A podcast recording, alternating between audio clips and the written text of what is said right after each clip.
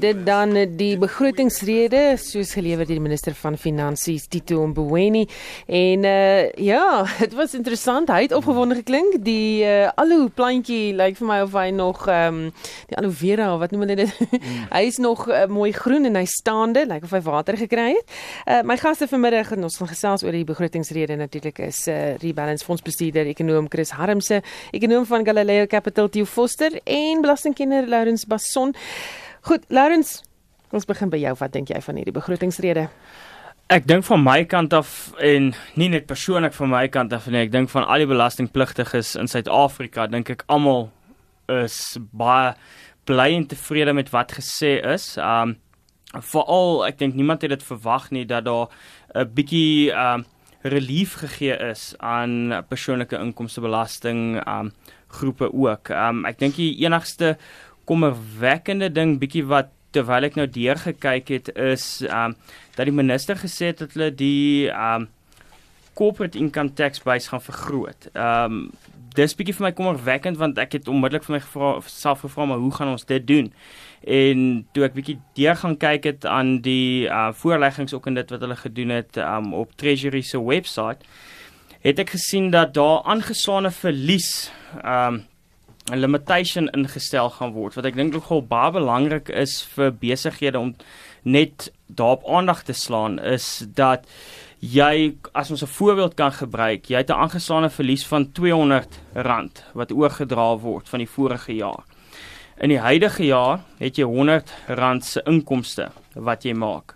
Met die nuwe wysiging wat hulle wil inbring, is dat jy net geregtig geregtig is om 80% van jou inkomste daai aangeslaane verlies dan af te speel. So in my voorbeeld van jou aangeslaane verlies van 200 en jou inkomste van 100, word jy dan beperk tot 'n R80 se aftrekking wat jy dan gaan los met 'n R20 se um taxable income wat dan teen 28% belas gaan word. Jou aangeslaane verlies gaan dan verminder, jou 200 gaan verminder met 80 en gaan dan sit met 'n 120 um aangeslaane verlies wat jy nie toekoms kan oordra. Ek dink hier is 'n baie belangrike punt wat mense op moet agslaan want net deur daai klein verandering kry die kry um die minister onmiddellik daai ekstra porsie inkomste wat deurkom. Kan ek net 'n vraag vra Lourens? Dit wil sê jy verloor nie jou aangeslaande verlies nie. Hy word net oor 'n langer periode van tyd kan jy hom gebruik nommer 1 maar nommer 2 die oomblik wat jy dan begin wins maak kry die ontvanger reeds 'n tipe van 'n inkomste stroom. Is ek reg as ek dit verstaan? Dit is 100% reg. So jou aangeslaane verlies verloor jy glad nie. Jy dra dit nog steeds elke jaar oor, mits soos wat elke belastingkonsultant hopelik vir jou sal sê is die maatskappy moet daadwerklik um handel dryf in terme van 'n Engelse term is trade. Daar's baie hofsaake daaraan, maar so so so solank as wat 'n entiteit trade word daai aangeslaane verlies van jaar tot jaar oorgedra en al wat die wysiging dan vir ehm um, vir die ehm um, wat die wysiging inbring is dat jy dan daai onmiddellik onmiddellike belasting onmiddellik kry as wat jy dit nou net uitgestel sou kry in die toekoms. Dan die belasting vir mense wat in die buiteland werk. Hoe werk dit? Wat het hy daar gesien? So almal is up in arms op 101O. Um gelukkig ek die, die ou limiet was 1. Hulle het nou verhoog na 1.25 miljoen toe. Um hulle het ook mense half discourage om enigsins hulle exchange control residency te breek en die rede daarvoor is van 'n ontvanger oogpunt af het baie mense gesê dat dit net deur middel van as jy jou exchange control residency kant breek in die reserve kant dan is jy nou 'n 'n 'n non-resident for tax purposes. Dit is nie juist die geval nie. Um dit gaan ons het nou net in die in die toespraak het ons die uh, debat gehad oor hoe dit werk en wanneer word jy nie meer gesien as 'n Suid-Afrikaanse belastingpligtige nie. Maar ek dink wat die um wat Treasury ook gesien het is dat hulle gesien het daar 'n groot uitvloei van um high net worth individuals noem dit nou maar dit en hoogs geskoolde um mense uit Suid-Afrika en hulle wil dit stop sit want sodra hulle nie daaraan aandag gaan gee nie, gaan ons belastingbasis so dun raak dat ek en jy so baie meer belasting gaan moet betaal om vir hulle op te maak. So ek ek dink dis goed dat hulle dit verhoog het en ek dink ook dat mense net um versekerde kenner ook net moet sien aangaande hierdie want ek dink daar's definitief 'n uh, 'n verwarring in die mark. En ek sal eerder dat jy met 'n professionele persoon gesels om te bepaal wat is jy dan nou werklik van die drie verskillende persoonlikhede. Om te betaal, bepaal van jou paspoort jou um exchange control residency residency van die reservebank en dan van die ontvanger se kant af of jy 'n tax um resident is van Suid-Afrika. Um ons het ook 'n bietjie gesels oor daardie sogenaamde rykdomsbelasting, die wealth tax gerugte, sogenaamde wealth tax gerugte wat daar was. En dit het ook interessante gesprekke uitgelok terwyl die minister gepraat het. Um Chris, daar jy het gesê jy jy, jy het nie verstaan waar kom hierdie gerugte vandaan ooit nie. Susan ja eintlik nie. En en ek dink wat gebeur het analiste en selfs ons ekonome voor die tyd het eerder aan die inkomste kant gedink. Met ander woorde ons het almal aanvaar dat die staat gaan die regering gaan in hierdie begroting iets aan die inkomste kant moet doen want hy's beperk op die uitgawe kant. Uh ek dink daar was miskien uh 'n gevoel dat weet, hy kan eintlik niks aan die loonrekening doen nie. Daar's te groot weerstand daarin. Hy kan eintlik nie ander uitgawes ook sny nie. So so wat bly oor? Om die tekort laer te bring en om die totale skuld uh te bring sodat ons nie afgegradeer gaan word nie. Want die ekonomie gaan ook nie groei nie, is daar ook nie 'n inkomste basis nie. So ek dink baie mense toe begin dink nou maar wat is die verskillende bronne van belasting tot sy beskikking en baie ons begin terugdink aan wat in 1996 gebeur het of 95 toe ons 'n sogenaamde oorgangsbelasting gehad het.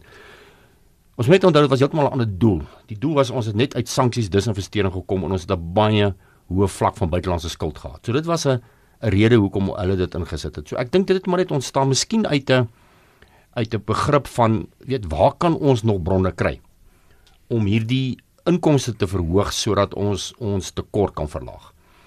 Toe kom die minister en hy verras vandag deur heeltemal na die ander kant toe te gaan. Dis eintlik teksboek. Teksboek sê as jy die ekonomie aan die groei wil kry, moet jy eintlik G afbring en jy moet T verhoog, T verlaag. As jy dit kan regkry, werk dit deur die vermenigvuldiger en lei tot hoër investeringe in die ekonomie kan vinniger aan die groei kom. Dis eintlik 'n teksboek geval hierdie wat wat die minister hier uh, uh uitgehaal het vanmiddag. En uh ek dink die verrassing is die feit dat hy aan die sogenaamde wage bill daadwerklik gaan sny en dat hy uitgawes van meer as 200 miljard in die volgende paar jaar gaan spaar. So die die tekort, die tekort wat kleiner lyk dit vir my gaan word en die skuld wat gaan afkom kom van die uitgawe kant en nie van die inkomste kant nie en ek dink dit was die verrassing. Ja. Jou algemene indrukke, Theo? Ek dink kom ons Susan, kom ons begin eers en kyk hoe die mark gereageer. Die rand het toe ons begin praat het was op R15.34. Hy's nou op 15.15. Kapitaalmarkkoerse het verstewig met nie ver van tussen 15 en 20 basispunte. So as jy dit neem dan beteken dit die mark het 'n groot sig van verligting geslaag. En kom ons begin net kyk na na, na byvoorbeeld van die ander elemente ek dink wat vir ons positief hier uit gaan kom. Nommer 1 die die feit dat hy vir die nasionale vervolgingsgesag genoeg geld gegee het om 'n addisionele 800 ondersoekbeamptes aan te stel en 200 meer as 200 aanklaers aan te stel. Dit wil ons sê, ons wil optrede sien. Hy verwys daarna. Dis 'n positiewe want ons moet daai optrede sien om ernstig opgeneem te word. So dis die een kant wat vir my baie positief is. Die ander kant is as jy baie mooi gaan kyk na die staatsloon wat hy gesê het, en jy sit dit saam met hoe hy belastingverligting aangebring het, definitief is die verligting baie meer op die sogenaamde middelklas staatsamptenaar en nie die top staatsamptenaar of die top persoon nie. Ek dink ons gaan dit begin sien hoe hy die salarisrekening gaan terugsny. So ek dink as jy as jy gaan kyk na dit wat aangekondig is, gegee die bitter moeilike situasie, uh, dink ek hy het binne sy beweegruimte het hy na die regte kant toe gegaan. En ek sal hierdie graag terugvat as jy kyk na die mediumtermyn begrotingsraamwerk in Oktober. Daai raamwerk het hy gewys onder watter druk sy inkomste was en hy die uitgawe nie regtig aangespreek nie. En ons het gesien daai knyptang. Op grond daarvan het Moody's gesê hierdie vooruitskatting wat jy in Oktober vir ons gegee het, regverdig nie 'n beleggingsgradering. Jy moet iets daaraan doen. As ek nou kyk na die markte en ek kyk na hoe hy uitgawes aangespreek het, dink ek is die kans baie goed laat Moody's op die 27ste November wanneer ons moet opgradeer dit net nie eenvoudig nie gaan doen nie en ons nog tyd gaan gee. Want dit lyk vir my of die daai element waarna hulle gesoek het in Oktober verlede jaar het hulle gekry in hierdie begroting op die uitgawekant. Ehm um, ons het nog of voor ek dit vra eerder ehm um, Chris hy het byvoorbeeld gepraat oor belasting op die of nie belasting nie maar die ekstra heffing op die uh, brandstof. Hoe gaan dit brandstofpryse beïnvloed?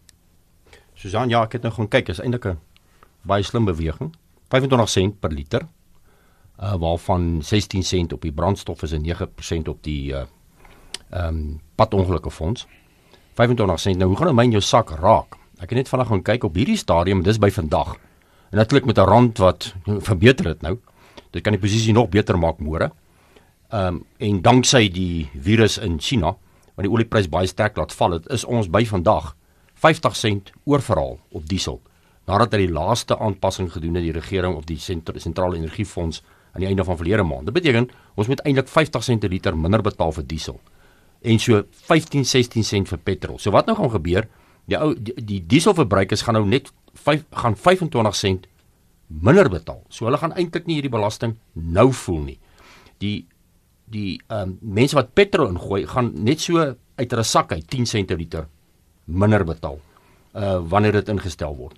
So met ander woorde dit dit gaan nie so erg op die verbruiker se sak wees nie. En as dit gebeur dat ons hierdie voordeel uit die diesel uit kry, is dit natuurlik baie goed veral vir die landbou en daardie en daardie bedrywe wat baie van diesel gebruik maak. So ons het een of ander tyd het ons ehm um, daarom ten minste een voordeel uit hierdie koronavirus gekry waar ons op baie ander vlakke benadeel is. So ons het verwag hy gaan dit doen. Uh, ek was onder die indruk hy sou hierdie brandstofheffing eintlik nog hoër gemaak het. So hy het oral waar hy kan, het hy moes hy waar hy belasting moes gein het, het hy dit die minimum gedoen waar hy uh, dit kon doen en dit is vir my duidelik. Hy het gesê die inkomste begroot, die inkomste kant begrotings is nou verby. Want hy praat van 261 miljard in die volgende paar jaar. So ons gaan in die volgende paar jaar begrotings herhaaldelik sien hoe hy in die uitgawe kant dood eenvoudig die staat gaan tuinder maak. Dan ehm um, kom ons gaan weer terug na hierdie ehm um, toespraak toe en ons gaan so half puns gewys en hom af en ek gaan weer terug na die belasting gedeelte toe. Ehm um, hy praat van jy weet 'n bedrag van 1500 rand per jaar wat jy weet belastingbetalers sou byvoorbeeld kan spaar uh, as hulle 265000 rand per jaar verdien. Is dit iets wat ek fisies in my sak gaan voel, Lourens? Ek dink definitief heidaglik in ons ekonomie is dit verseker iets wat jy gaan voel. Ehm um, ek dink ons persoonlik in die industrie het ons ook glad nie verwag dat daar enigsins um 'n tegemoetkomend uh, tegemoetkomende hoe kan ek sê um relief gegee gaan word aan aan persoonlike inkomstebelasting ouens nie. So ek dink definitief persoonlike belasting ouens vat elke bietjie wat hulle kan heidaglik. Um as die die ander kant van die muntstuk waar hy dalk heel moontlik glad nie verskywings aan die belastingtabelle gebring het nie en ons sou dalk heel moontlik in 'n baie hoër um belastinggroep dan geval het. So ek dink dit is 'n 'n stap in die regte rigting. Ek dink ook dat um met hierdie aanpassing is dit weer om belasting vertroue terug te wen win van die individue. Ek dink dit is die afgelope 2 uh, na 3 jaar kort, ehm um, waar ons op 'n stadium gekom het wat die ehm um, wat die Jan Alleman op straat net gevoel het maar waartoe gaan my belastinggeld. Ehm um, so ek dink is definitief 'n stap in die regte rigting en elke elke bietjie help. 1500 rand gaan jy definitief op die einde van die dag voel in jou sak. Daar was ook geluide gemaak dat hy dalk BTW sou verhoog. Dit glad nie gebeur nie. Ek is baie bly persoonlik dat hy glad nie geraak het aan BTW nie. Ek dink ook dat 'n BTW alhoewel 'n BTW um koersverhoging, ek dink in 'n in die globale mark dalk 'n beter um proposisie sou wees. Is ek persoonlik baie bly dat hy nie daaraan geraak het nie en ek dink almal in Suid-Afrika is ook bly dat hy nie daai skuif gemaak het nie. Dan kerkgroepe, hy het spesifiek na hulle verwys en gesê luister kyk goed, julle gaan nou moet uh, ook lyk like dit my belasting betaal. Wat presies sê hy daaroor?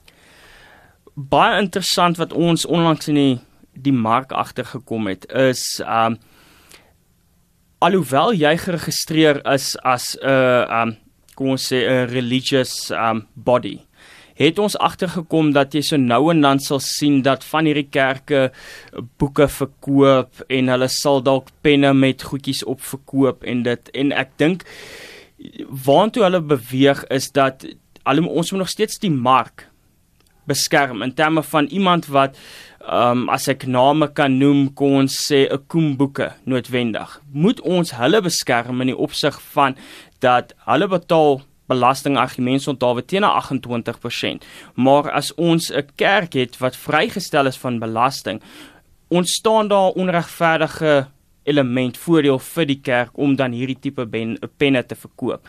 En ek dink dit is wat hulle net probeer hokslaan om dit te stop en vir hulle net te sê, luister, julle moet kyk wat is julle hoof as ek dit tussen ehm um, aanhalingstekens kan stel. Wat is julle hoofdoel waarvoor jy aanvanklik um, opgerig was. Is dit om die geloof te bevorder of is dit om daadwerklik nou geld te maak uit die geloof uit om 'n pen te verkoop of twee of 'n boek daarmee saam?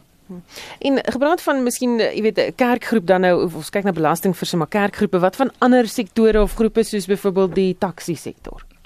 Ek dink dis deur die bank. Ek dink heidaglik um, sal ek enige organisasie wat um, die tax exempt status geniet um definitief daadwerklik sal aanraai om te kyk na hulle verskillende strome van inkomste en hoekom hulle um destyds um geregistreer is en of dit nog in hulle mandaat is.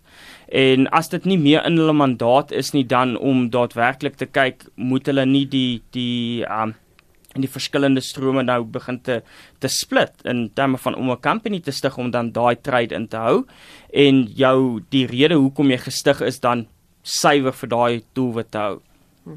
Dan uh, Theo, jy gaan mee daai sigaar kan rook elke dag nie. Dit gaan nou minder moet wees sonder belasting.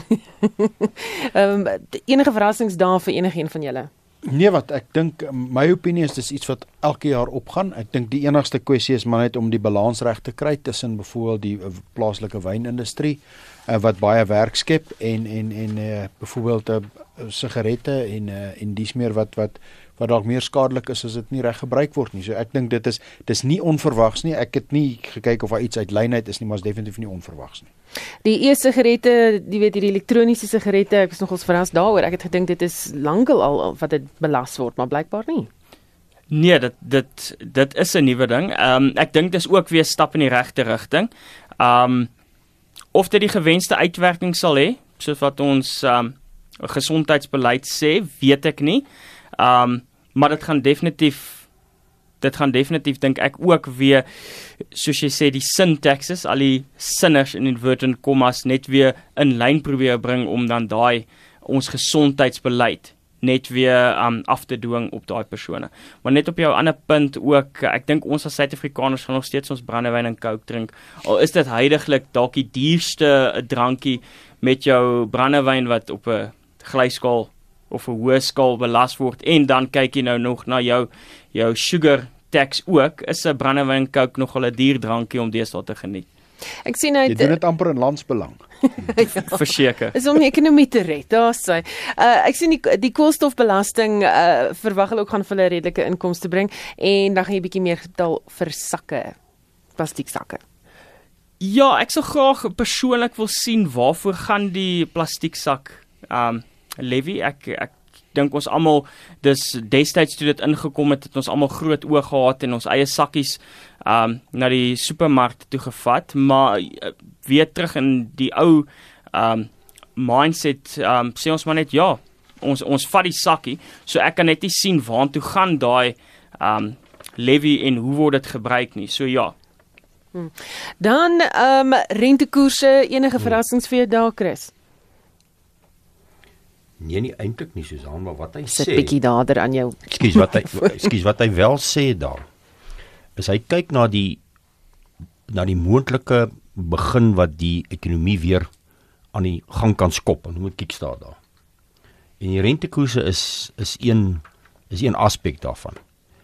Ehm um, hy hy sê daar is basies 5 bronne wat ons kan sien wat hierdie ekonomie in die volgende jaar of 2 weer op 'n uh, baie sterk groeipad kom plaas. En een van dit is natuurlik 'n verwagting dat in rentekoerse meer verder gaan daal hierdie jaar as wat dit gaan styg. En as ons net kyk na wat nou met kapitaalmarkkoerse op die oomblik gebeur, dan dink ek stem die mark saam. Daar is nou ruimte dat die rentekoerse verder gaan daal in hierdie jaar wat dan natuurlik die ekonomie aan die gang kan kry. Hy verwag 'n sterk stygings in investering uh met die plan van president Ramaphosa vorentoe om buitelandse direkte investering te trek.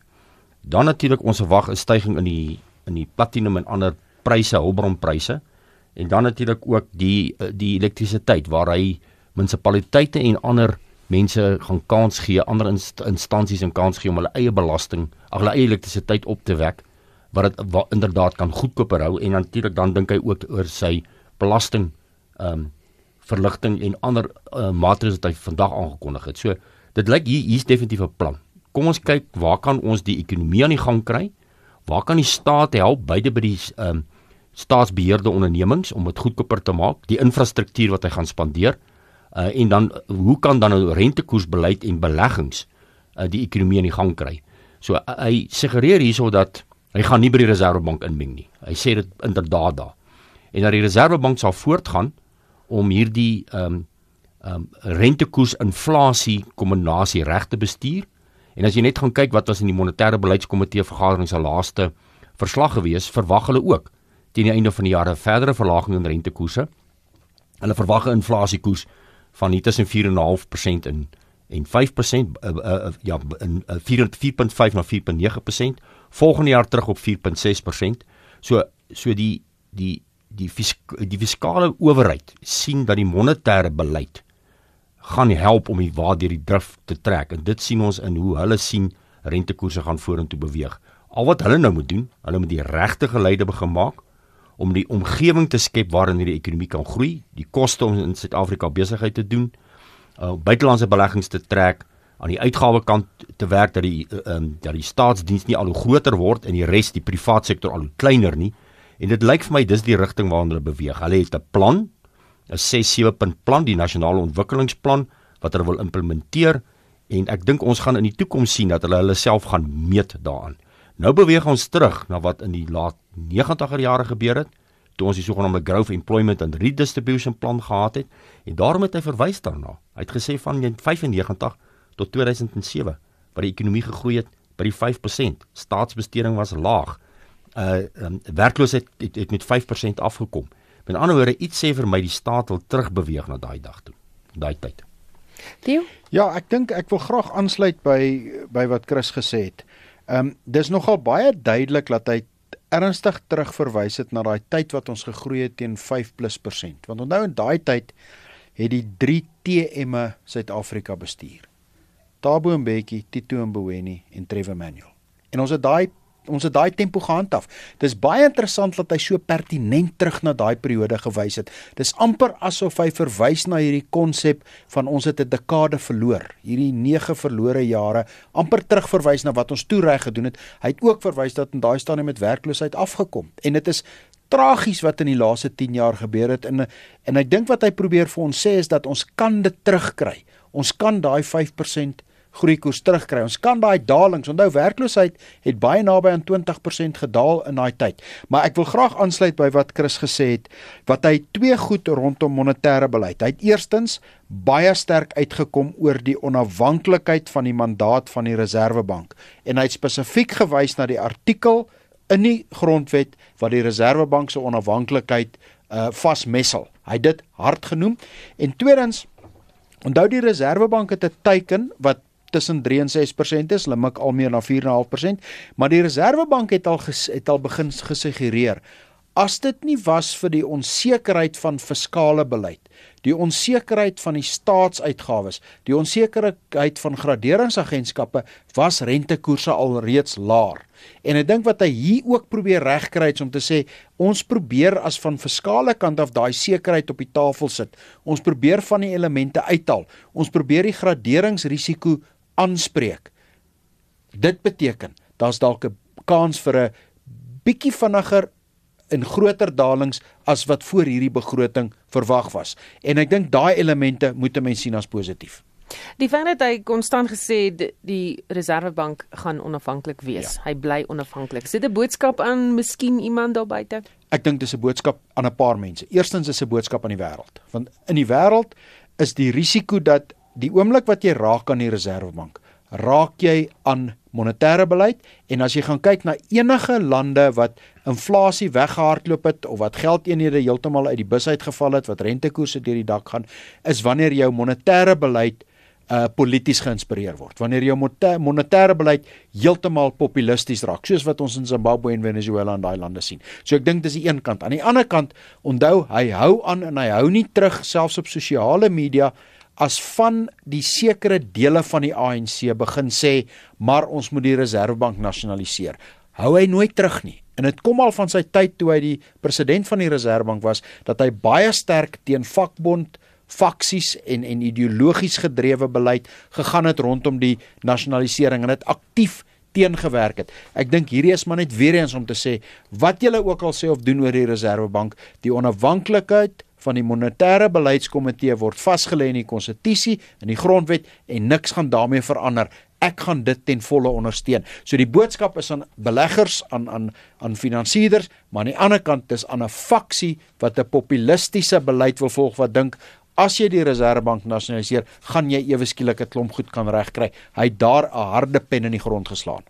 Nog 'n punt waarop hy konstant gehamer het was uh, en hy het 'n paar keer gesê hy het selfs 'n hoofopskrif daarvan in die uh, toespraak en dit is die mors van geld en korrupsie en dat die publiek nou moet sien dat hulle moet waardevolle geld kry en daar moet nou opgetree word. Nogals iets wat hy konstant gesê het hierdeur. Ja, ek dink ons sit in die agtergrond van tot tyd en wyl ons nie stappe neem nie um, gaan dit altyd bevraagteken word is ons ernstig oor korrupsie is ons ernstig oor wanbesteding is ons ernstig oor staatskaping rampokkery alles wat daarmee saamgaan en ongelukkig op hierdie stadium sien ons nie die tipe van stappe wat 'n mens graag sou wil sien nie. Ons sal teen hierdie tyd dis dis nou al uh uh die die nasionale nuwe hoof van die nasionale vervolgingsgesag is nou al meer as 'n jaar na pos. Mense sou graag wil meer aksie sien om mense in in Oranje oorpakke te kry. Ons sien dit nie. En wat hy hier pertinent genoem het en hy het baie pertinent gesê. Hy sit 2.4 miljard rand op sy sodat die ondersoekbeamptes 800 aangestel gaan word en iets soos 270 aanklaers. Dis wat mense wil hoor. Jy wil sien daar word daadwerklik opgetree om daai staatswetstoepassers te versterk sodat hulle hulle werk kan doen. Ek dink is positief. Ek sal net baie graag en ek dink meeste uh, wetsgehoorsame Suid-Afrikaners sal graag die, die aksie wil sien. Ek ek neem my altyd terug na na ek onthou dit was die 14de Februarie wanneer ons Valentynsdag in 2016 toe ons vroeg die oggend die berigte begin sien het van die uh, valke by die Gupta se woning en dit was die einde van die Guptas. Hulle het nooit weer iets van hulle gehoor nie. Ons het daai tipe vroegoggend boodskappe nodig van hier's 'n klomp valke by iemand se huis en dis die einde van daai persoon. Die regsproses kan lank vat, maar ons het die optrede wil ons begin sien en ongelukkig sien ons dit nie. Hm.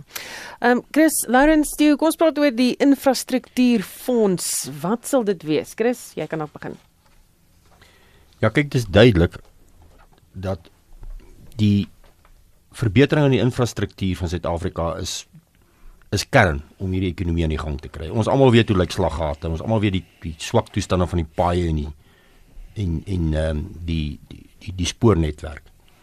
Uh en die enigste manier om dit te kry dat jy moet iewers 'n infrastruktuurfonds begin op die been op die been kry om daadwerklik kapitaalbesteding want dis 'n ding wat ons nog al die jare gekort het in ons begroting is die kapitaalbesteding kant. En nou het hy gekom in hierdie sogenaamde infrastruktuurfonds te begin kry.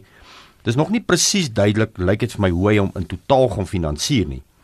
Maar dit is duidelik dat dit deel gaan word van die beplanning soos ons vorentoe gaan om letterlik hierdie infrastruktuur van Suid-Afrika weer op die been te kry. Ons padnetwerk en ons spoornetwerk moet aan die gang kom as hierdie ekonomie gaan begin groei teen 2 2.5 3% gaan die huidige infrastruktuur dit nie kan kan hanteer nie. So hy moet voorsiening begin maak om 'n reservefondse te begin bou om hierdie infrastruktuur van ons weer op die been te bring en sodat hierdie ekonomie weer kan groei teen daai koerse van 3%. En ek dink dis 'n begin, dis 'n dis 'n dis 'n ding wat ons altyd gekort het en ons weet altyd dat as jy meer geld wil spandeer, moet jy dit eerder aan die kapitaalinvesteringskant spandeer. Laurens, jy knik jou kop. Ek dink net van van my kant af wat ek gesien het met ons kliënte ook. Ek dink dit is 'n uh, 'n baie goeie voorstel veral van die ingenieursfirmas. Ehm um, want dit dit die afgelope jaar, 2 jaar het dit broekskeer ook gegaan in terme van uh, asof ehm um, infrastruktuurspandering baie baie vasgehou word. So ek dink dit is 'n 'n baie goeie voorstel wat wat gegee is. Jo. Kyk, ek dink die die die vraag is hoe word dit befonds en waar kom dit vandaan? Nou hy praat van en ek gaan die Engelse woord gebruik blended finance mega projects. En hy praat van tot 'n waarde van 200 miljard rand. Die vraag is wat beteken hy hiermee? As hy hiermee beteken en ek hoop dis wat hy hiermee beteken dat op 'n manier gaan hierdie goed so gestruktureer word dat jy die privaat kapitaal betrokke kan kry en dat die staat se kapitaal eintlik amper die vliegwiel is wat die ding laat werk wat die ding van die grond af kry maar dat jy uiteindelik privaat kapitaal aan dit kan haak. Want ongelukkig op hierdie stadium as ons kyk na die begroting daar is nie 'n klomp los miljarde wat jy kan gebruik vir die klas van goed nie. So die vraag wat jy moet vra is, is hoe gaan dit gebeur? En nou wil ek hierdie gesprek aansluit by wat hy sê van die van die Suid-Afrikaanse Welvaartfonds die soewereine fonds. Nou baie mense het baie gemaak van daai fonds As ek reg lees wat hy daaroor praat en miskien vat ek 'n bietjie van 'n groot sprong, maar hy spesifiek in die begroting het hy genoem en ons weet, kom ons begin eers wat ons weet. Ons weet Suid-Afrika het meer as 700 staatsbeheerde entiteite. Ons hoor nou van die topgrootes, maar daar's 'n magdom van hulle, van busmaatskappye tot maatskappye wat syne lewer. Daar's 'n magdom van hulle.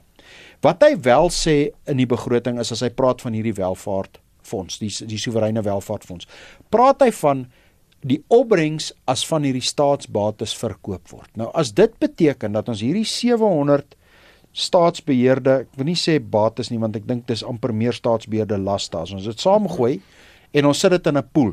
Nou gaan ek al die pad terug na na verlede jaar se beleidsstrategie dokument van Tesorie wat hulle gesê dat 'n staatsbeheerde entiteit net reg het om hulp te kry as hy 'n ontwikkelingsmandaat het as hy goed doen vir die gemeenskap. Die wat nie goed doen vir die gemeenskap, moet die staat vra hoekom besit ons daai ding? Moet hy nie in privaat hande wees nie? So as hierdie 'n tipe van 'n fonds is wat jy daai saamgooi, het sy onder die ontwikkelingsbank of onder die nywerheidsontwikkelingskoöperasie die IDC en jy begin besluit wat moet jy en nie moet hê nie en as daai fonds die opbrengs daaruit die basis vorm van 'n soewereine welvaartfonds vir Suid-Afrika, dan begin dit sin maak. Want dan begin dit sin maak in terme van bestuur, in terme van beheer en in terme van die mandaat van daai fondse. So daar's elemente en ek weet nou nie of ek te ver spring nie, maar ek dink dis die tipe elemente wat daarby kom. Terwyl jy nou gepraat het daarvan, uh, ek dink ons moet uh, dit net maar noem en en en hy het dit gesê, maar het hy genoeg daaroor gesê? Dis die staatsinstellings wat of die sukkelende staatsinstellings wie wil eers te gaan? ja, ek dink ek ek dink die eerste ding wat hy gesê het met Eskom. Onthou, ja. Eskom, Eskom basies, soos Eskom hier is en ons het voor die tyd ook gesê, Eskom het die laaste syfers wat ons het, ek dink is al heelwat meer, maar kom ons sê is 450 miljard rand se skuld. Eskom kan dit nie betaal nie. Stop. Daai skuld moet deur iemand anders met Eskom help en dit moet van die tafel afgehaal word. Eskom kan dit eenvoudig of dit nou of 'n besigheid nou te veel skuld het of 'n boerdery te veel skuld het of 'n huishouding te veel skuld het, hy te veel skuld. Eskom het te veel skuld. Nou wat hy gepraat het van is 230 miljard rand oor die volgende 10 jaar. Nou as jy dit dit sê, kom ons sê dis 23 miljard per jaar. Dis toevallig helfte van die rentelas per jaar wat Eskom het. Nou Eskom kan se inkomste staat volgens my kan dalk helfte van daai skuld dra en miskien is dit waarna hy verwys voordat Eskom gaan gehelp word deur die tesorie om helfte van hulle rente skuld te dra.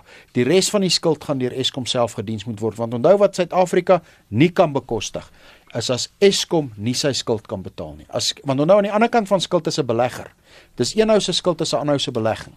So die oomblik wat daai ou se belegging nie renteopbrengs lewer nie, dan is hy dan is Suid-Afrika baie ver in die pad af. Dan het ons kan ons nie omdraai nie. So die hierdie die die hulp van Eskom lyk vir my asof dit is om hulle 'n gedeeltelik van hulle renteskuld per jaar oor die volgende 10 jaar te delg. Dit gaan help. Die tweede ding is hulle het 'n spesifieke bedrag vir die Suid-Afrikaanse lugdiens gegee.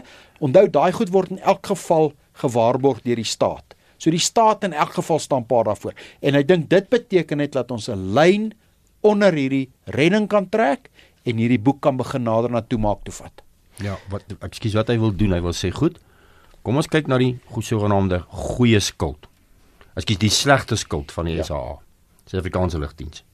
Ons sal dit finansier sodat hulle hierdie uh, ontbondeling en hierdie nuwe plan, reddingsplan van die grond af kan kry. Die goeie skuld wat gaan oorbly, gaan in terme van 'n nuwe tipe van Suid-Afrikaanse lugdiens wees of hy nou 'n nuwe naam gaan hê of hy nog die ou naam gaan gaan gaan dra, wat dan natuurlik die winsgewende roetes gaan bedryf.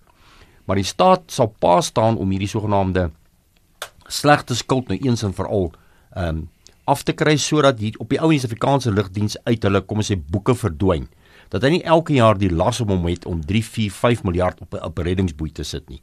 En waarvan ek hou is as hy goed, in plaas dat ons meer en meer reddingsboeie gaan uitgee op hierdie geld, kom ons begin begin met hierdie 10 miljard per jaar om dit by die infrastruktuur te sit. Sit eerder die geld by infrastruktuur op die infrastruktuurfonds en en en so gaan ons die ekonomie weer in die gang kry. Nou wat Chris hiervan praat, daar is 'n model in terme van soos lugredery wat so gered is, wat presies op daai model gered is.